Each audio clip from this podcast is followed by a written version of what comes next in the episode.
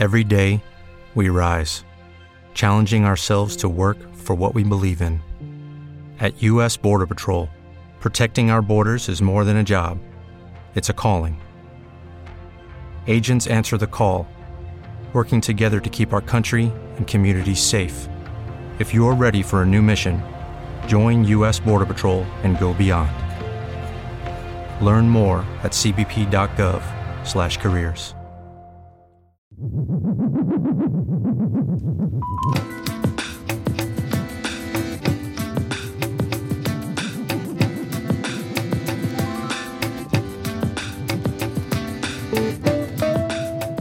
das cousas que nos encantan é efervesciencia e coller a nosa grabadora a pedales colleron o seu laboratorio sonoro e ir onde están os investigadores. Porque hai investigadores que teñen un día a día mm, con moitas cousas e nos dixemos, bueno, xa que vos robamos o tempo, imos onde vos estades. E estamos na Universidade de Vigo, estamos no Centro de Investigación en... E como se chama este centro? Eh, bueno, este, este é un sitio un pouco raro porque pertence a varios sitios e a ningún ao mesmo tempo, pero podemos decir que onde estamos agora vai ser é parte do Centro de Investigacións Biomédicas da Universidade de Vigo, Cimbio. o Cimbio. O Cimbio. Sí pero eh, este é o terceiro nome deste edificio. Esperemos que este sea o bo. Eh, estamos na Universidade de Vigo porque queremos conversar esta tarde con David Posada, que é catedrático de Xenética da Universidade de Vigo. Moitas grazas por acollernos. No, grazas a vos, sempre un placer. Home, tedes uns despachos moi estilosos, eh? A mí semellame a, a series estas de CSI que son así moi modernas, con moitos cristais que se ven uns e outros. E, e, esa primeira impresión que dá o chegar aquí. Bueno, isto foi foi diseñado a posta desta maneira, non? Eh, tiven a sorte de poder influir no arquitecto. Eu gosto, eh, que eu creo que todo o mundo, non? Da luz. Entón o que fixemos aquí, en vez de facer espacios estancos, eh, caixones no? e muros, o que temos é un espacio de, de máis de 100 metros cuadrado, con unhas divisións transparentes es, eh, que non, non chegan a, ata o teito, de forma que nos están escoitando todo o musmo, o mundo, como cando vemos no telediario que está a traballar a xente detrás. Exactamente, sí, sí, eh, e, ese. Pero eu gosto dese tipo de, de ambiente, porque teñe pros e contras, pero o, o, un pro moi importante é o contacto visual e o contacto permanente. Eu abro a port, non teño que abrir portas, non hai portas casi, está, estamos todo o mundo en, to, en contacto todo, todo, todo o momento. ¿no? Este é un grupo de investigación, un grupo teñe que estar falando todo o rato, ¿no? os científicos, ideas, comentarios, isto vai así, isto vai lá. E, e o espacio físico favorece ese tipo de cousas. Os americanos o saben moi ben, hai teorías sobre isto. Sí, ¿no? parece mentira que, que, sí, que condiciona sí, o xeito de traballo, moito. o espacio físico condiciona o xeito de traballo. Moito, moito. Totalmente. Hai libros sobre isto nas empresas, en estas cousas. E, bueno, neste caso, pois pues, o podemos facer e, e además teño, temos unha vista eh, maravillosa aquí que vemos o pico do Galiñeiro, no? que é un pico moi bonito que está aquí na zona de Zamanso, o embalse de Vigo, e os días eh, máis clariños podemos ver incluso as, islas, as Illas Cíes, uh -huh. e o mar desde aquí, que para un vigués eh, nacido aquí o mar é un compañeiro de vida. Necesito verlo todos os días. Bueno, eso é, é un alimento. Cando chegamos aquí, tivemos que vaciar a mesa que estaba toda chea de papers. E, se facemos unha fotografía sonora, vemos o despacho de David Posada cunha xenerosa pantalla de, de traballo, bueno, el é científico de tecla aí, sí, ordenador sí, sí. é fundamental, unha silla ergonómica chula, É un pequeno sofá. Home. Ese sofá para que? A comodidade. Isto tamén é bastante, supoño que herdanza da, do o meu tempo nos Estados Unidos, onde, onde se valora moitísimo que a xente este moi a gusto, moi a gusto onde traballa, non? Eso é a filosofía tamén, non? Que uno, eu gosto de sentarme, ás veces estou coa pantalla, eu lendo un paper cun ollo aquí e outro alá, porque fa, fago búsquedas, pero cando teño tempo me sento no sofá e, e, e leo, No? E, eu, eu tento disfrutar do meu traballo todos os días Porque hai que ter tempo para pensar, porque eh, o que o día a día non te deixe... É moi importante, ás veces, no, ahora, ahora xa somos un grupo grande, no, de investigadores, no? Entón, o que veo que me paso moito tempo facendo cousas non necesariamente científicas, e un luso para mí, non? Entón, o sofá é o meu pequeno rincón privado, onde podo estar aí. Eu supoño, non o sei, pero cando estou sentado a xente non, non venga a falar comigo, non? Porque non pensa que estou ocupado. É un momento de relaxe. É cando podo pensar. É, eu voto de menos... Últimamente he voltado a facer un pouco, non? Coller un lápiz e un papel. Uh -huh no? o programar de novo, no? eu programo, no? pero levaba tempo pues, o teléfono, escribindo informes, escribindo propostas, e eh, vai todo moi rápido, é, é, é un modo de vida no? de todo o mundo, pero eh, voto de menos o tempo para pararse a pensar, sí. Pero o tento, o tento facer. Todos os días espero pensar un pouquiño, pero... A ventaxa de estar aquí é que xa en tres minutos xa vimos un montón de cousas que, que non saberíamos se viñeses os nosos estudos ou, ou te enganchásemos por teléfono por teléfono como te enganchamos a primeira vez que falamos con David Posada. E daquela non era catedrático de xenética, senón un investigador moi prometedor, Ramón y Cajal, e foi no noso segundo programa de efervescencia, alá polo 2006. E daquela te preguntamos, estiven a repasar dúas cousas. Unha delas, sobre as que che preguntamos, foi que talía ese programiña eh, que, que fixeras eh, un poquinho para axudar nos teus cálculos e que tivera un certo éxito. Bueno, certo éxito, eh, o paper dese, dese ese programa é dos máis citados da historia da ciencia. Que sí, bueno, eh, hai moitas explicacións, non? Eso non, non quere decir que, que sea unha ciencia fantástica, foi unha combinación de factores, un pouco de sorte, o momento e, e tal.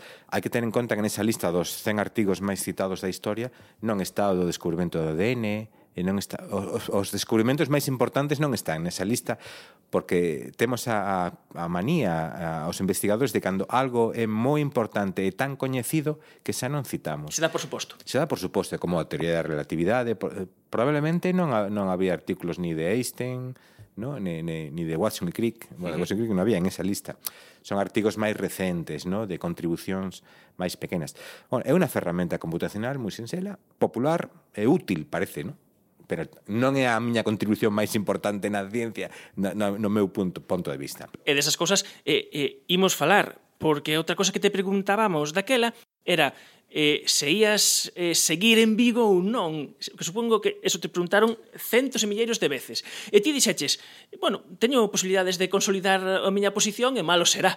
E malo foi. Malo foi. Bueno, eu, eu tamén teño un lema, ¿no? o, que, que, o que a segue a consigue. ¿no? Eu creo que é importante bueno, nun científico que é unha carrera a longo prazo... Eh, carrera de fondo totalmente. Sí, hai que ser tenaz, eh, perseverante, eh, sobre todo en un país como en España, onde non hai, non hai apoio ninguno á ciencia, ¿no? eh, desesperante, pero é onde estamos, ¿no? é unha decisión persoal estar aquí, non é decisión científica, ¿no? estar en, en España ou estar en Vigo, é unha decisión, pues, eh, porque estou coa miña familia aquí, pero as condicións non son as ideais. Eu Tive moita sorte de entrar nun momento susto, pero agora mesmo hai cantidad de investigadores xóvenes moi prometedores que, como todos sabemos, teñen que irse a outros sitios para sempre, que nunca voltarán. É como perder sangue. Por suposto, e, te, e tecidos. E tecidos. Ainda peor que a sangue solo. Lamentablemente non son moi optimista, pero hai que seguir a, a loita nese sentido, non? eu tiven sorte, me puden consolidar daquela hai, hai momentos, non? Eh, sabemos que hai, hai, hai unos picos onde van entra xente e logo non. Desgraciadamente, en vez de ser algo continuo, claro, onde uno sabe, eu tive a sorte, pensaba que podería quedarme, e mira, aquí está, aquí, aquí estou. En esa trayectoria hai dous fitos importantes que son eh, financiamento do RC, do Consello Europeo de Investigación, primeiramente cunha starting grant, das, das, non sei, creo que foi a primeira en Galicia, ou das, das sí, primeiras, foi a primeira, creo, e logo cunha Consolidator, que xa é eh, para investigadores con unha trayectoria asentada, son proxectos nos que a eh, Comisión Europea o que prima esa componente de, de risco de ir cara ás fronteiras do coñecemento e, e de dar esos pasos. Isto permite, o, o permitiu na túa carreira eh, eh, como investigador, como investigador principal, eh, serar, eh, desenvolver unhas investigacións eh, que ao principio poderían parecer lonxe do teu campo inicial de traballo. Porque... Sí, a, a, a, sí, correcto. Sí, sí, a, a primeira, o starting grand, no, era moito máis o, o meu, o meu mundo, no? Hmm. o mundo das, das árbores filoxenéticas, da, da evolución, do, dos métodos estadísticos de análisis dos senes para, para, para estudar a, a historia. Iso era moi familiar, era o meu mundo. Agora, podería sonar que é o mesmo, pero é aplicado ao mundo da cáncer. Entón, eh, cambian moitas cousas, moitas cousas.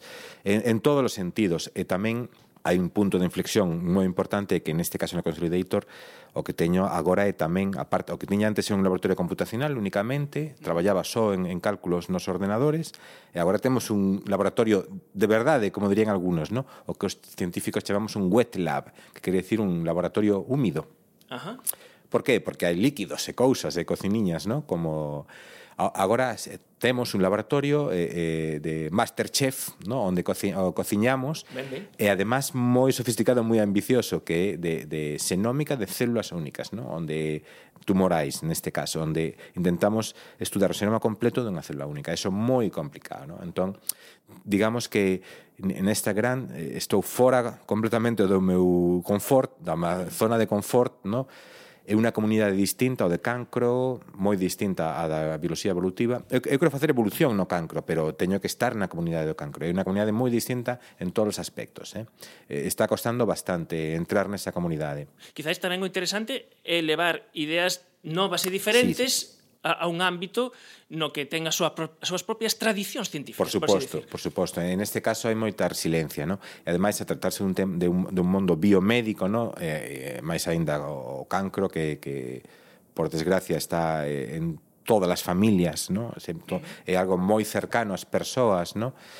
O que ocurre é que ten un impacto, ¿no? Hai unas expectacións eh, eh, eh, sempre pola, polos resultados inmediatos, ¿no? Entón, bueno, eh, eh, eh, para mí está costándome bastante, nos está costando, pero estamos, eh, ese é no Eso o noso challenge, no, o noso reto é este esforzo, salir da nosa zona de confort, non facer o mismo, moverse hacia outro sitio, estamos estamos en el. E o noso reto agora, nestes seguintes 10 minutos, va a ser explicar en que consiste todo isto, porque levamos 10 minutos de, de parolada. En este tempo, cantas mutacións tivemos nas nosas células do noso corpo? Miles, non?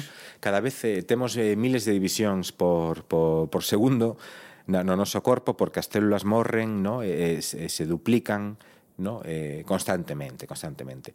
Temos millóns de millóns de millóns de células no noso corpo, no? É, é impresionante no pensar nesa escala, no? Eu creo que, que eh, a xente cando pode pensar no, pode entender en algunos casos, no? Estos datos que a veces escoitamos de o número de estrelas no universo, no? Uh -huh. o, o que maior que o número de graus de, de area nas praias do mundo, bueno, pues, o número de células tamén é bastante grande, non tanto, pero tamén, no? Entón hai que pensar que esas células morren, teñen que dividirse, é un proceso continuo, continuo, está pasando.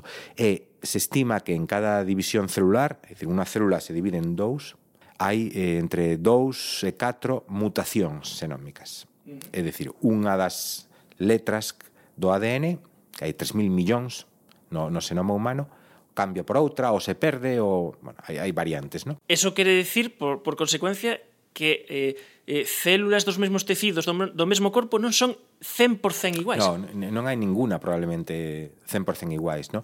O que pasa que nos a, a nosa concepto de semellanza é un pouco semellanza funcional, no? Mentras funcionen igual, consideramos que é o mesmo. Pero sí que é verdade que cando era estudiante estaba o chamamos, no, a, a, o senoma, a totipotencia das células germinais e, e as nais, e todas as células teñen o mesmo xenoma, exceptos do sistema inmune, que aí sabemos que hai unha reestructuración, no? para adaptarse aos, aos, as, as, as cosas extrañas, no? pero o resto das células, as células eu nunca pensaría, non, non principio que as, células dos meus dedos da mão dereita, da mão esquerda son, son diferentes, pero o son. A diferencia é moi pequena. É moi pequena, probablemente non é trascendente, non, non quero decir que sea trascendente no, do punto de vista médico, funcional, o que vaya a facer cousas distintas, pero para os que estudamos a historia mediante estas diferencias para nosotros é importante, uh -huh. porque podemos distinguir que esta célula non é a mesma que a esta, e podemos ir hacia atrás no tempo recuperando a súa historia, No? Eso é o, o objetivo fundamental, No? Vos, cando traballades antes pois, con especies animais ou vegetais, podías facer a súa árbore selenóxica e ver como os xenes incluso como se movían polo territorio e establecer claro. que pasaba, que condicionaba. Ese era o voso mm, campo de batalla, sí, sí, onde sí, xogaba sí, sí. Darwin. Pero agora vedes o corpo como un campo de, un campo de batalla entre as células onde Darwin tamén xoga. Por suposto, sí, sí. Dende, dende hai tempo, eh, ese é o paradigma do, do crecemento tumoral, o que ocurre que hai unhas células que eh, crecen máis rápido que outras, compiten. O mesmo que unhas especies de lagartos poden competir por recursos ou de pinzóns na, na, nas Islas Galápagos poden competir por recursos. Os individuos que teñen máis fillos prosperan máis e as mutacións genéticas destes individuos que prosperan máis son as que acaban dominando a poboación. E iso ocurre exactamente o mismo a nivel celular. Hai células que se adaptan, isto estou facendo entre comillas cos meus dedos, sí, unhas comillas ao medio, eh, pero é adaptación no fondo, eh, crece máis rápido, e son capaces de crecer en, en, en tres dimensións, e son capaces de moverse a outro sitio. Pero eso que conocemos como cáncer. Por mecanismos, bueno, eh, tan lesítimos como os que producen a evolución das especies, é parte da vida, o que ocurre que as células cambian, hai diferencias entre células e hai diferencias que fan que unhas células se repliquen máis rápido que outras. En algúns momentos isto xenera un tumor, é un cancro e te pode ter consecuencias fatais para o organismo. Esas células teñen como varios eh, poderes, superpoderes, son capaces de suprimir a, a, os sinais de para, para, para, o pasan por diante, son capaces de dicir necesito fuel, necesito combustible, necesito eh, que veñan vasos sanguíneos que mm, para aquí, necesito eh, espacio. Eh, se cargan todos os sistemas de control. Digamos que teñen que pasar moitas cousas para que chegar ao final a ese tumor. Por suposto, sí, falamos desa maneira como ti estás falando, non? Necesitan e fan, pero as células non pensan, non o mismo, pensan, o mismo que haces, sí, sí. o fenómeno o fenómeno de adaptación, non, para que quede claro, non, para xente que o fenómeno de adaptación, un fenómeno onde hai se selecciona entre unas mutacións que suceden ao azar. As células non mutan para, non? para, para moverse ou para despegarse ou para non morrer, no? porque as, as células teñen un, un, un reloxo interno que está controlado polo senoma e cando se ocurre a veces que se relose se rompe e funciona demasiado rápido, pero non, non é algo aposta. Sucede, entón, a consecuencia que esas células van máis rápidos que outras, no? ou poden pois ser máis agresivas ou poden non suicidarse, porque as células se suicidan, chamase apoptosis, cando lles chega a orden e dicen, eh, eu non fago iso pero non o fan pensando, é unha consecuencia da, da variación, é o fenómeno da selección natural. E, e de feito, agora hai estudios a que apuntan a que a componente do azar é moi importante. Sí, sí, sí, precisamente neste ano hubo un, un segundo estudio de, de uns autores que xa levaban eh, tempo falando desto, onde eh, eles o que din que eh, dous tercios dos cancros se eleven a errores na replicación do, do ADN, no? e que un tercio só se debe a a tóxicos externos, ¿no? a sustancias externas que producen mutacións, como pode ser o tabaco, ou a reacción ultravioleta, ou a herdanza, ¿no? de que o tu pai, os teus pais teñan unha mutación que predisponga ao que chamamos cánceres hereditarios. ¿no? O que quere decir eso é que para mí non é algo sorprendente, pero eso lo demostra moi ben, ¿no? É que a replicación o, é o precio da vida, ¿no? Estelas se replican, cando se replican esa fotocopiadora non é perfecta e vai deixando pequenos errores. Chega un momento que esos pequenos errores rompen o reloxo do, das células, ¿no? E o que les din é que iso tal. Non hai que interpretar isto como que non hai esperanza, entón todos a fumar e a tomar o sol como locos. Sería, no, sería unha moi no, mala idea. É moi mala idea, por suposto. Eso, eso está claro. Eso, eh, eh, comprar billetes de lotería non ten sentido, ¿no? cando esa lotería é o cancro. ¿no? En este puzzle hai un dato que, que eu non sabía, que foi un dato que deches cando eh, diches a túa conferencia en Pantheon Science, que estamos collendo a todos os que eh, participastes aproveitamos, eh, mostremos aquí a efervescencia, e esta paradoxo de peto. Porque que pasa cos, cos elefantes ou coas baleas? Claro, sí, precisamente o que, o que dicen antes, que se si cada célula se divide eh, hai errores, cantas máis células teñas, no? o canto máis tempo vivas, hai máis divisións celulares, tiñas que tener máis cancro. Entón, o que pensaríamos é que as baleas, no? os organismos que viven moitos anos, de unha maneira ou de outra, por ter moitas células ou por ter moitas división ao longo do tempo, tiñan que tener moito cancro. E o que sabemos é que non é así. É así, precisamente, sabemos que, que as baleas e os elefantes teñen moi po, moi poquito cancro. Dende logo moito menos de que de que se esperaría dado o número de células que teñen. E iso é o que se chama paradoxa de peto. E hai xente intentando eh, entender por qué. E hai algunhas solucións. E por que pasa eso? Sábese? Se sabe en algúns casos. Por exemplo, no caso dos elefantes se sabe porque teñen... Nós temos... Hai, neste reloxo eh, que falaba antes da, das células que dicen cando se teñen que dividir, hai como unos visías, que son outras moléculas, uh -huh. controladas por unos senes. Un, un deles, ¿no? estos senes, chamanse, ese, senes supresores de tumores, que regulan o ciclo celular. Un deles é que o, o sen máis famoso do cancro, que é o P53, nos temos dúas copias, unha da nanai e outra do pai. Se temos a mala sorte de que as dúas copias se sufren errores, temos unha célula cancerosa. Pero os elefantes teñen 40 copias deste SEM. Por moitos errores que teñan nestas, nestos senes, sempre tendrán algún sen que funciona bien. Sí, teñe máis policía. Exactamente. É un campo de investigación, un campo de, de entender a evolución e mirar a outro, non só aos humanos, e aprender da evolución, aprender da natureza, de solucións ao cancro outros sitios. E, precisamente nesa idea de ver a evolución en outros sitios, vos vedes a evolución eh, nas células, nos cancros, e por eso vos interesa nos cancros que analizades, nos tecidos, non analizar unha mostra ao show, senón coller diferentes puntos. Por suposto, sí, sí. Os tumores son, son, son heterosenios, non? Son heterosenios de maneira que, que, que en distintas regións dun tumor pode haber distintos senes non? responsables dunha resistencia, por exemplo. Non? Entón, cando se fai unha biopsia, o que temos é unha visión limitada do tumor en xeral. Non? Unha biopsia sólida, as biopsias normais. Non? Eh, iso se sabe, pero o que, o que é moi complicado é obtener varias mostras, non? Eso, eso de maneira rutinaria non se pode facer. Ahora temos outras cousas, como biopsias líquidas, onde si sí, a mellor se pode, ese está todavía en discusión, obter unha visión máis xeral, non? Do que pasa, pero está claro que uno non podría tener unha visión de España se solo fala con xente de Galicia, non? O de Europa se solo fala con xente de España, o do mundo se solo fala con xente de de América. Non é, é a mesma idea, non? Os tumores son heteroxéneos e e nós o que tentamos entender é esa heteroxenidade, o que chamamos diversidade, non? O súa orixen, o tempo e o modo, cando e como esta, esta, se formou estas diferenzas genéticas eh, dentro dun tumor ou incluso entre tumores, por exemplo, do tumor primario e unha metástase. No? Queremos estudar ese tempo de evolución para entender. No? Son as, as metástases ocurren ao principio da, enfermedade ou solo en estadios finais, ¿no? Queremos entender o, o cancro como, como organismo, ¿no?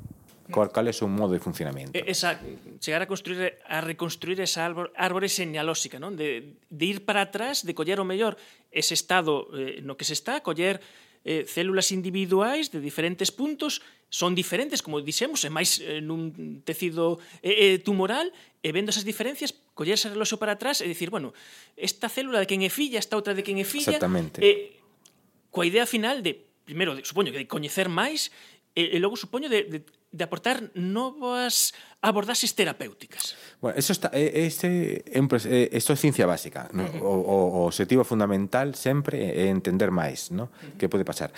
Agora, este entendemento pode ter aplicacións, pode, pode axudar a outras no? evidencias, a outros biomarcadores, no? por exemplo, saber se, se por exemplo, hai varios eh, clones evolucionando en paralelo, ao mellor pode ter unha peor prognosis. De, de feito, é así. Se sabe que a diversidade dos clones, esa diversidade intratumoral, eh, está relacionada con unha peor prognosis.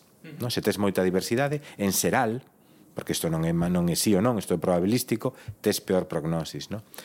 Eh, eh, o, por exemplo, nos esa señalosía non, non é o final do noso análise. Eh, nos utilizamos esa señalosía para estimar tempos ou para estimar, por exemplo, a tasa de crecemento eso non está aprobado, pero no futuro, eso será outro proxecto, no? cando xa teñamos algunhas eh, características que podemos estudar, estimas da tasa de crecemento, do diversidade xenética, tentaremos de relacionar eso co resultado da enfermedade para ter un novo biomarcador que axude a evaluar se o tratamento debe ser agresivo ou non debe ser agresivo, como sempre xunto, repito, con outras evidencias. Claro. non pretendemos ser a, a evolución non é o único que ocurre nun tumor, non? Un tumor é evolución, pero hai que ver outras cousas, niveis bioquímicos de moléculas, etc. etc. A visión do patólogo, a visión do médico, é, é unha, en, digamos que un componente máis.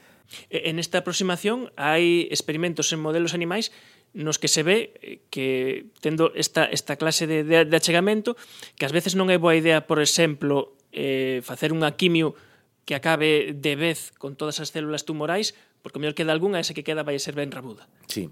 O que, o que ocurre, eso se chamase terapia adaptativa, este, hai xente agora no, no, en Estados Unidos traballando, primeiro como de los matemáticos, pero xa con, con ratos, no?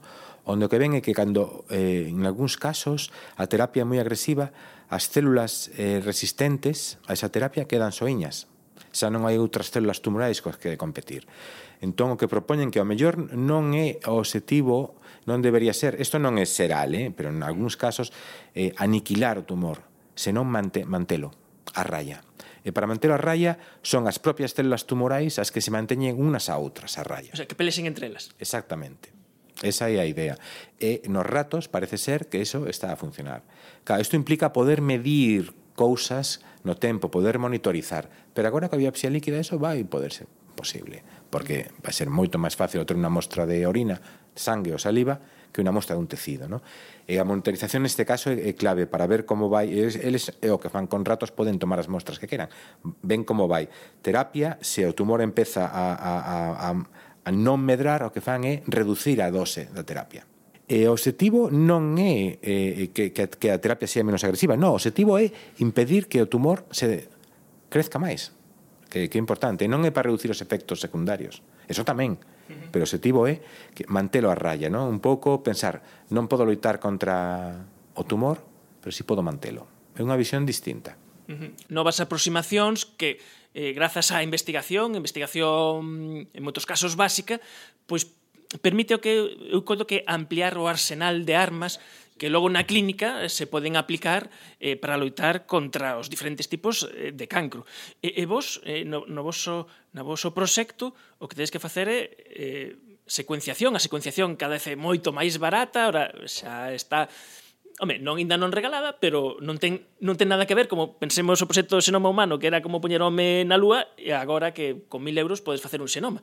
E vos nese, neses cancros o que facedes é eh, coller eh, varias mostras de, de varios xenomas. Claro, a información multiplícase de, for, de xeito exponencial. Sí, sí, sí, por suposto. Agora, ahora mesmo, Bueno, eu creo que vamos a ter un problema nos próximos anos porque a capacidade de xerar datos é tan grande, tan tan grande, moito máis que a capacidade de analizalos. Os datos se acumulan de maneira moito máis rápida que a velocidade dos ordenadores, eh, o número de persoas que poden estar mirando esos ordenadores. Incluso ¿no? transmitilos dun lado a outro. Eh, por suposto, sí, é un pouco paradóxico, verdade, que, que na, agora necesitemos mandar os datos nun disco duro por, por, por taxi ou por avión en vez de por internet. Porque chegan antes. Chegan antes porque e ademais de maneira de maneira máis fiable e segura, porque as conexións de internet poden se interrumpir, de maneira que tens que volves a empezar. Pero hai que pensar que un sino humano Eh, eh, xenera unha cantidade impresionante de datos, ¿no? a secuenciación ata 200 gigabytes, por exemplo. ¿no? Ahora os ordenadores, pues, pois algunos teñen esto, esta capacidade, pero outros non. Pero a mellor 10 xenomas seguro que non caberían na, na maioría dos portátiles da, da xente que está escoitando. ¿no? Entón, isto non o podemos mandar por internet porque tardaría tres meses en chegar a información ¿no? a, dende o centro de secuenciación ata aquí. Entón se fai eh, da maneira tradicional con un paquete un paquete vía aérea ou vía tal. Es que discos duros eh, nun servicio de transporte, pois pues, aumenta o ancho de banda todo o que queira. Exactamente, iso é así. Este é o xeito de, de traballar no día a día aquí, no grupo de, de filoxenética, neste caso, estamos a falar do proxecto de filoxenética do cancro. Non temos tempo para máis, porque o tempo vaise nos das mans, pero se hai que dicir que, que estades en isto en outra chea de cousas máis. Agora te, temos a sorte de que estamos medrando con novos investigadores no? eh, xente ne, ne, nos últimos anos pois temos hai dous investigadores Ramón e Cajal, no? De feito, un deles é eh, José Tubío, pois é, eh, é o gañador dun, dun RC, dun Starting Grant. Que caerán as nos, nos nosos micros antes ou máis sí, tarde, sí, sí, pero sí, a, pues, a eh, Eu gosto moito de, de, de repetirme a mí mismo, sempre digo que a chegada de José pecha ao círculo, no? Porque nós, o, o, o que é o meu grupo, no? So, eh, traballaba en, en, en cousas de con animais mariños, ¿no? con eh, evolución xenómica, algunos aspectos teóricos, metodolóxicos, pero a parte aplicada con animais mariños. ¿no? Levamos bastantes anos, pero xa estamos perto ao xenoma do mesillón, eh, con, con os animais pequeniños que son como, como eh, pokémons do mar, que se chaman nudibranquios, que son babosas mariñas, preciosos de cores. Bueno, tínhamos esa, esa liña de xenómica mariña. Despois, co filocáncer, co proxecto europeo, abrimos unha liña de eh, evolución do cancro eh, José Tubío, o RC que ten, é de cancro mariño, cancro no, no, nos croques. Entón pecha o círculo. Eh, bueno, estou moi contento de que podamos falar e relacionar sempre todas as cousas nas con outras, porque é o que facemos, porque aquí todos, de alguna maneira, estamos relacionados en distintos aspectos, no? xente comutacional, incluso xente mariña, e agora, coa da biopsia líquida, aínda máis, aínda o outro día estamos falando na reunión do grupo de como o, o análise de biopsia líquida noutros é o que chamamos noutros ámbitos eh, chamase eh, ADN ambiental, por exemplo, a xente que vai aos ríos, colla ADN e din, oh, por aquí vive esta especie. Sin... Ah, claro, sí, equivalente. Sí, sí, sí, é, é impresionante que se pode facer isto. Ou vai ao mar, colla ADN e din, aquí viven tiburóns balea. Uh -huh. Isto impresionante, no mar, eh? Con 5 litros de agua hai restos de ADN en todas partes. Entón a biopsia líquida é, é o mesmo. Tamén chamase metasenómica, a xente que vai e colle un pouco de agua da, da, das minas de Río Tinto para estudar no, as bacterias que viven aí, por exemplo, no?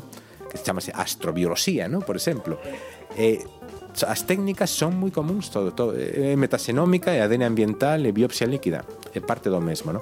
eu, eu que busco é esa visión no? do, do, do bosque eh, das árboles tamén no? pero neste caso creo que hai moito para compartir entre a xenómica mariña e a xenómica do cancro Música Para nós foi un auténtico gustazo eh, poder achegarnos aquí o Cimbío en Vigo e eh, conversar esta tarde co catedrático de Xenética David Posada.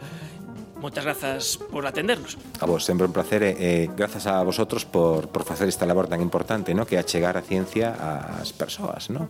que non que non traballa necesariamente neste mundo, no? É algo que que ten moito valor facelo. Moitas grazas.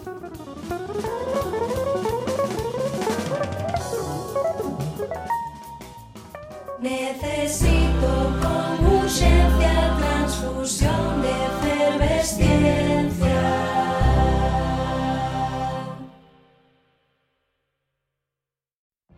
What if you could have a career where the opportunities are as vast as our nation, where it's not about mission statements, but a shared mission?